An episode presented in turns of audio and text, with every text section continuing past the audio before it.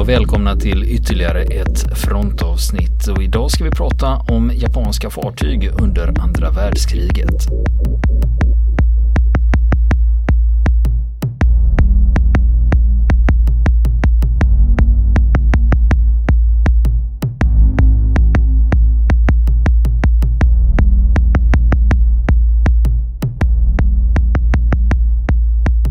Ja, jag ska säga tidigare i somras så var jag på ett, eh, besökte jag ett museum i Tyskland. Tyska flottans museum vid eh, den tyska marinens officershögskola i Myrvik utanför Flensburg. Det tänkte jag berätta om i, en, i ett annat program men det gjorde mig lite nyfiken på det här med bevarade museifartyg runt om i världen. Och eh, den som har varit i London och intresserad av eh, krigsfartyg har ju naturligtvis inte kunnat undgå HMS Belfast, kryssaren som ligger där på redden i Themsen. Och här i Göteborg har vi Maritiman med jagaren Småland och ubåten Nordkaparen.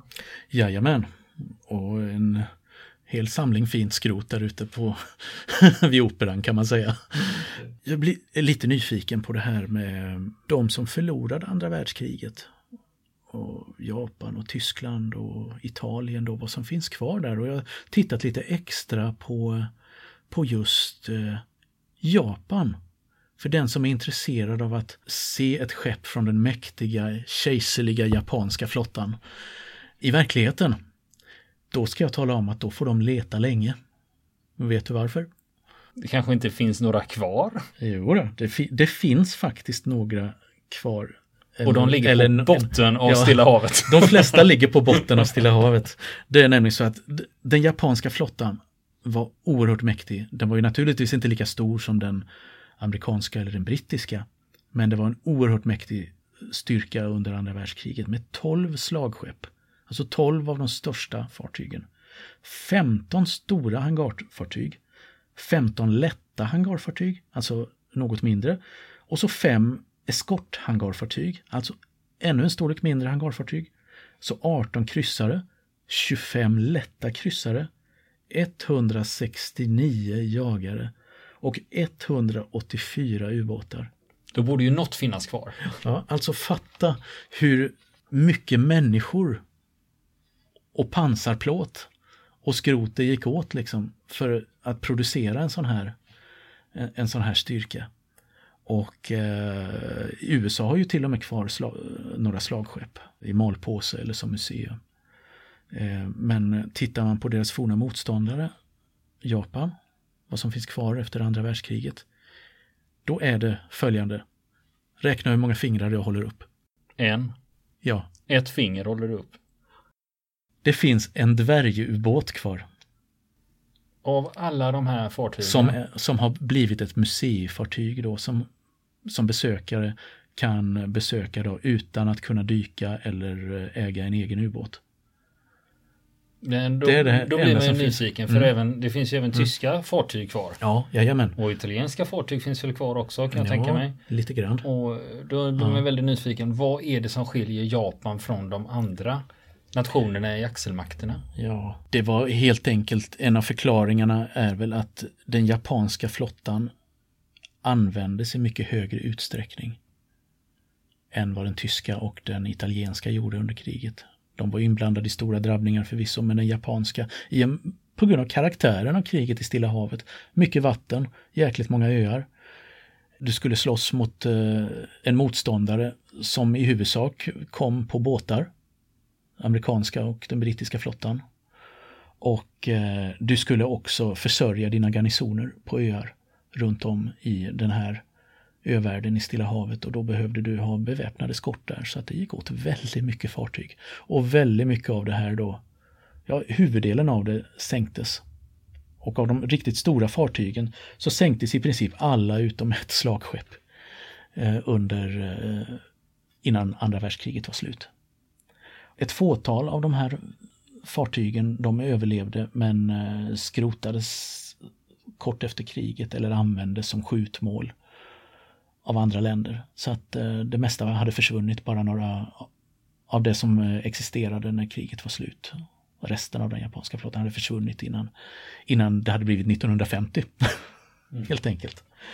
Och vill man se den här ubåten, den heter HA-19 och den har en intressant historia. Och vill man se den så ska man inte åka till Japan. För då ska man åka till Texas. Av alla ställen? Av alla ställen. Fredericksburg i Texas. Där finns ett museum om Stilla havskriget. National Museum of the Pacific War. Som är ganska nygrundat. Det grundades på 1990-talet. Där finns den här miniubåten utställd. HA-19 då. Och varför finns den utställd där? Jo, det var för att den deltog vid eh, överfallet vid Pearl Harbor den 7 december 1941. Och misslyckades med sitt uppdrag. Men man pratar om miniubåtar, man har ju när vi tänker miniubåtar i Sverige, då tänker vi på ryska miniubåtar och, och så vidare ofta. Och då kan man undra hur stor är en miniubåt egentligen då? Är det en liten sak som ser ut som en... Uh, torped ungefär? Torped, torped man sitter ja. bränsle på. Jajamän, det, italienarna hade sådana. Men de här är lite större. Den hade 46 ton. Då var det inte så mini. Det är inte så mini faktiskt. Och den var 24 meter lång. Mediumubåt. ja, mediumubåt kanske man skulle kalla det då. Men i sammanhanget så går det faktiskt eh, under beteckningen miniubåt det här då. Den hade en 600 hästars elmotor då. Och kunde göra 19 knop, alltså 35 km i timmen under vattnet. Det är rätt mycket. Är det. Och den hade två mans besättning. Den skulle alltså användas, den hade byggts strax före kriget då, den skulle alltså användas för att eh, smyga in i hamnen i Pearl Harbor och eh, avfyra torpeder eller fästa sprängladdningar på de amerikanska fartygen där under anfallet. Hur klarar den då sjöresan då över, från Japan ända till Pearl Harbor?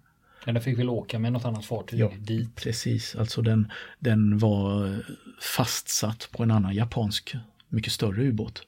Så kopplades den loss utanför, utanför Pearl Harbor då på eh, natten till den 7 december. Den hade fyra och en halv timme enligt plan att gå för egen maskin för att komma, till, komma fram till den amerikanska basen. Då. Redan när de kopplades loss och gav sig iväg så gick det åt skogen. De fick problem direkt därför att deras gyrokompass var eh, trasig. Så de fick börja med under den här eh, sjöresan och, och reparera den så gott det gick. Det gick inte så bra. För att eh, när de eh, kom fram och skulle smita in i hamnen där så seglar de fel. Och seglar på ett rev. De går på grund. De går, går, på, går på samma rev tre gånger innan de sitter fast ordentligt då och inte kommer loss då för eh, egen maskin då. Så de har strandat där och eh, under anfallet då, när flyganfallet sätter igång så upptäcks de av ett amerikanskt krigsfartyg som börjar skjuta. USS Helm. Som börjar skjuta mot den här ubåten då. Den missar. Men nedslagen skapar en tryckvåg som gör att de kommer loss från grundet och kan dyka. Vilket de gör blixtsnabbt naturligtvis då när de dyker upp igen strax efteråt så eh, har de ju amerikanska ögon på sig och blir på nytt utsatt för eh, beskjutning och dyker igen.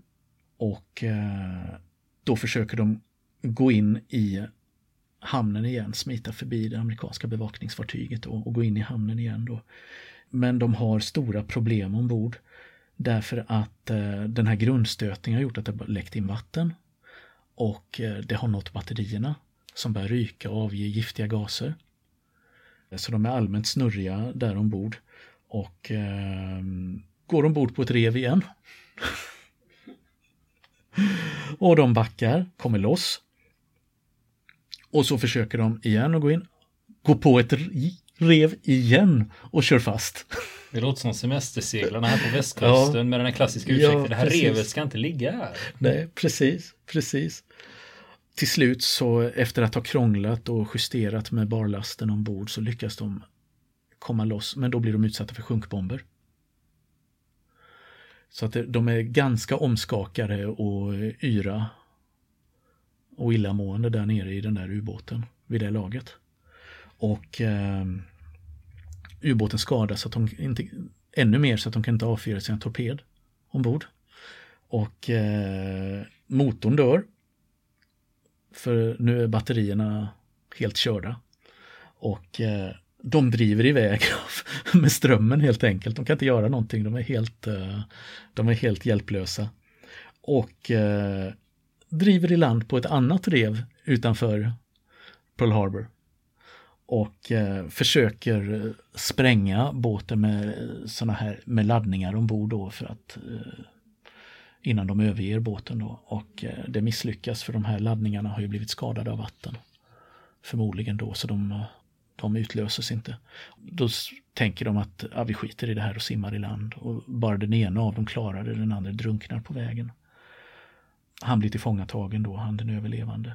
Ubåten hittas och bärgas av amerikanerna som genast då efter att ha undersökt den på dess hemligheter och man har hittat en del intressanta dokument ombord som man skickat till underrättelsetjänsten. Så ställs den här ut redan under kriget då som ett eh, en trofé? Ja, en trofé helt enkelt. Då. Jag tittar vad de lömska japanerna använder för att komma åt våra stora slagskepp med. Så visar man den och sen allt sedan dess då så har man visat den då på olika platser i USA och sen längst tid så har den stått nere i Florida vid Key West men eh, i början av 90-talet så flyttades den till det här museet i Texas, då Stilla havsmuseet där. När den flyttades dit då 1991 så kom den överlevande besättningsmedlemmen då från eh, ubåten då, en fänrik som hette Kazui Sakamaki på besök till museet och fick återförenas med sin ubåt då. Så att det var en ganska, ja, enligt ögonvittnen då, lite rörande ögonblick när eh, detta hände så att säga. Ett återseende efter så många år. Det är faktiskt den enda japanska krigsfartyg från andra världskriget som finns att beskåda. I Japan själv finns inget krigsfartyg att beskåda från, från andra världskriget. Däremot ett av de fartygen, flaggskeppet från Eh, sjöslaget vid Tsushima 1905. Det här eh, sjöslaget mellan eh, ryska flottan och japanska flottan. Och som japanerna vårdar lika ömt som vi vårdar Vasaskeppet här i Sverige. Det är det enda krigsfartyg som finns att beskåda men det deltog aldrig i andra världskriget för det var redan föråldrat då och hade redan på 20-talet blivit ett museum. Men så finns det ju, det var faktiskt bra nära att ett annat krigsfartyg, en av de få jagare som klarade sig under andra världskriget, hade kunnat bli ett museum efteråt. Och det var en jagare som hette Yuki Kase som eh, deltog i många av de stora sjöslagen då under andra världskriget. Midway var det med, holländska Ostindien, eh, landstigning vid Filippinerna, Leyte bukten 44 och Filippinska sjön och Santa Cruz och allt vad det heter. Så det var en riktigt ärrad, ärrad båt då med många som hade varit med om oerhört mycket. Och eh, klarat kriget då utan att bli sänkt. Och den användes då strax efter kriget då för att eh, skeppa hem japanska soldater från de här öarna runt om i Stilla havet. De som inte hade invaderats av USA av amerikanska trupper då, utan där man helt enkelt hade suttit allt mer isolerade då. När kriget var slut och Japan hade kapitulerat så var det här en av båtarna som fick skeppa hem de här soldaterna då. Sen överlämnades den till Kina. Folkrepubliken Kina. Där den användes som krigsfartyg i många år. Ända tills den 1969 gick på grund och eh, blev väldigt svårt skadad då vid den här grundstötningen. Och då inleddes en kampanj i Japan att man, man ville få hem det här fartyget. För man hade ju ingenting att visa från kriget. Och för att kunna göra det här då till ett militärt museum. För det skulle då ha varit det största fartyg som fanns kvar från den japanska flottan från andra världskriget. Men eh, kineserna var inte sådär sugna på att, eh, på att överlämna ett, eh, det här fartyget dit utan skrotade det 1970. Och eh, bara några delar av eh, vraket letade sig hem till Japan då efter eh, den här skrotningen då. Och finns nu utställda då på ett marinmuseum i Japan då, bland annat rodret. När vi ändå är inne på det här så finns det faktiskt någonting, ett annat fartyg, en annan japansk jagare som är ett vrak, men som faktiskt finns planer på att göra ett museum av. Men är, är det flytande eller ligger det sjunket? Det är, det är sjunket. Det är ett vrak. Alltså, men där man faktiskt har annonserat då från kinesiskt håll att man ska göra ett museum på platsen då. Och för att den ligger tydligen så pass grunt då att man skulle kunna göra någonting bra av det och att det skulle kunna beskådas av turister och intresserade. Och det är också en jagare då som heter Amatsukase. Amatsukase betyder den himmelska vinden. Och den himmelska vinden då, det var den som blåste bort den mongoliska invasionsflottan på 1200-talet som skulle erövra Japan då. Så att eh, det är mycket som är döpt till olika vindar i den japanska flottan. kan jag säga. Och eh, det var också en sån här fartyg då som hade varit med om oerhört mycket då. Massor av sjöslag. Och den hade till och med blivit torpederad en gång i slutet av kriget varav hela fören hade slitits av. Utan att skeppet hade sjunkit. Och eh, den låg och drev i nästan en vecka vind för våg innan eh, den upptäcktes av egna spaningsplan och eh, kunde bärgas och föras till ett skeppsvarv i Singapore som var ockuperat av Japan då och repareras. Men till slut då, eh, så i april 45 så bombades den av eh, amerikanska bombflygplan utanför Kina och eh, hamnade på grund och sprängdes där sen. Sen så var det nog ingen som egentligen hade, det var, blev helt enkelt bortglömt, det här vraket där det låg, tills det för tre år sedan hittades av ett kinesisk eh, ingenjörsfartyg som började bärga delar av fartyget för att sälja det som skrot. Men det här då blev uppmärksammat och det, den här skrotutvinningen då den, den stoppades och eh, kinesiska myndigheter planerar nu att bygga ett museum där så att man ska kunna titta på, skydda de återstående delarna av vraket och eh, kunna beskåda det här. Man kan ju säga när det gäller hur mycket han de bärga då och göra skrot av, och det var 30 ton tror man ungefär. Och då ska man veta att det kanske inte var så mycket i, de lyckades få med sig trots allt för hela fartyget var på 2 500 ton. Så att det finns nog en hel del kvar att titta på där. Och eh, hur det går med de här museiplanerna, ja de är inte färdiga. Det finns inget museum färdigt på platsen idag. Men jag motser detta med stort intresse och när det är färdigt så ska jag boka en flygbiljett till Kina för att åka och titta på det här. Och nu ska vi prata skönlitteratur och eh, nu ska vi prata om en trilogi, jag och Niklas här, som säkert många av er har läst redan, eh, men är värd att ta upp ändå. Operation Garbo. Jajamän, just det. Det var mycket spekulationer kring den boken, eller de böckerna. Vem som hade skrivit och sådär, kommer jag ihåg. Ja, det var, det var länge sedan jag läste. Men, eh, ja, nej, jag, jag läst dem i omgångar, men nu har jag inte läst dem de senaste 15-20 åren. Mm. Men det var alltså sovjetisk invasion av Sverige som den skulle skildra. Just det. 4 september 1992 utbryter kriget när Sovjet invaderar det neutrala Sverige. Just det. Och eh, alltså det var ju spännande. Och man undrade, liksom, det kanske är så här det kommer gå till. Mm. 1988 kom den här boken. Ja, just den det, första, första boken. boken där, ja. Visst. Den, jag önskar mig den i julklapp kommer jag ihåg. Jag var inte sådär eh, knasgammal 88, jag var 15-16. Ja. ja, jag var, ja, hur gammal var jag? Jag hade precis gått ut gymnasiet och skulle börja göra militärtjänst strax efteråt. Jag kommer ihåg att det var under militärtjänsten som jag fick upp ögonen för den här boken. Ryckte, ryckte den ur en tidnings, eller ur ett ställ på en eh, kiosk i eh, Eksjö. Och läste med andäktigt. Och eh, ja, det var ju en, eh, som sagt, eh, idag vet vi ju vilka som stod bakom. Mm, du kan berätta, vilka var det? Alltså, det, det var ju Harry Winter då, som var pseudonymen då för, för Ingmar Dörfer som hade varit forskningschef tidigare på FOI. Och sen så var ju Bo Hugemark översten med på ett hörn och Stellan Bojerud, en omstridde överstelöjtnant och militärhistoriker som sen hade lite, som avled här för ett tag sedan. Det som jag reflekterade över på den tiden det var just förlaget som den utgavs på. Det är ju Timbro.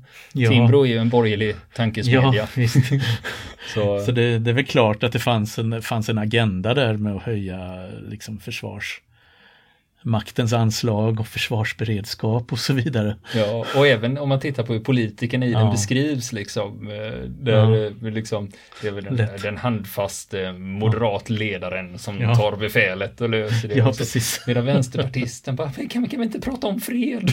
precis.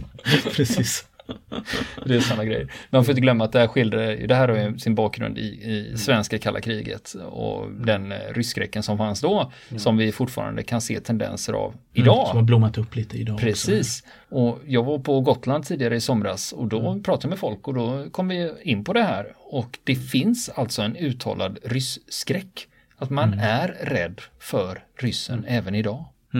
Alltså jag kan känna igen det där lite grann som att vara uppväxt under kalla kriget och gjorde sin militär sin värnplikt under tiden när fortfarande kalla kriget varade och man tutade sig i att fienden kommer alltid från öster och så vidare. Och kommer han från väster så är det ryssar som har gått runt. ja, precis. Och eh, när man ser vad som händer idag med upprustning och eh, hur allt mer oberäkneligt som Ryssland blir att man man känner igen stämningarna som rådde fram till på 80-talet.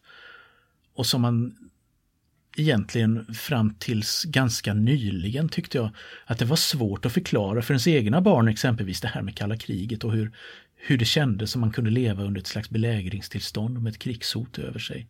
För det där har ju varit liksom nästan ett historiskt akademiskt spörsmål under nästan 20 år efter Sovjetunionens fall. Men nu har det här lite fläktarna av det här kommit tillbaka igen. Jag tänker på det här med när du öppnar telefonkatalogen, där står det om kriget kommer. Det är liksom, ja, då ska du packa det här mm. och du ska bege dig till den här mm. uppsamlingsplatsen. Ja, och, alla meddelanden om, och alla meddelanden om att motståndet är upp, har upphört är falska. Just det. Precis. Ja, det var ju så. Det var ju mycket sånt med den civila beredskapen och allt vad man skulle göra, vad man skulle ta vägen och, och så vidare och vem man skulle tro på. Och, sånt. Det har ju pratats om att man även ska höja den psykologiska beredskapen. Mm. Igen, som fanns då på den tiden. Vilket kanske också är ett annat ord för bunkermentalitet i vissa kretsar. Mm. Att man eh, måste odla paranoian lite grann om vad som kan hända. Mm. Sånt, på gott och ont. Om vi ska tillbaka till Operation Garbo. Det är ja. en trilogi som är utgiven med några års mellanrum. Mm. Och där får man följa några olika personer. Bland annat är det en reservist som är, han är officertryckare i det civila. Som då ska, han har hållit sig undan alla repövningar så gott han har kunnat. Men eh, när det väl smäller så blir han tvungen att inställa sig. Vi får även följa en stridspilot som flyger Viggen. Mm. Och sen får vi även följa det politiska livet på högsta nivå i Sverige då. Och se vad som händer i regeringskansliets korridorer. Precis. när det smäller på riktigt. Mm. Glimtar från många plan då i ett trovärdigt, vad som kunde vara ett trovärdigt scenario då. Ja, och när jag läste den, att eh, just att den skildrades på flera olika nivåer och även högt upp i politiken så upplevde jag ändå att det fanns en väldigt hög trovärdighet mm. i att detta skulle kunna ske mm. och detta skulle kunna vara riktigt. Ja, precis. Insikter om spelets regler så att säga när det gäller liksom det här förhållandet mellan militär och politik och så vidare.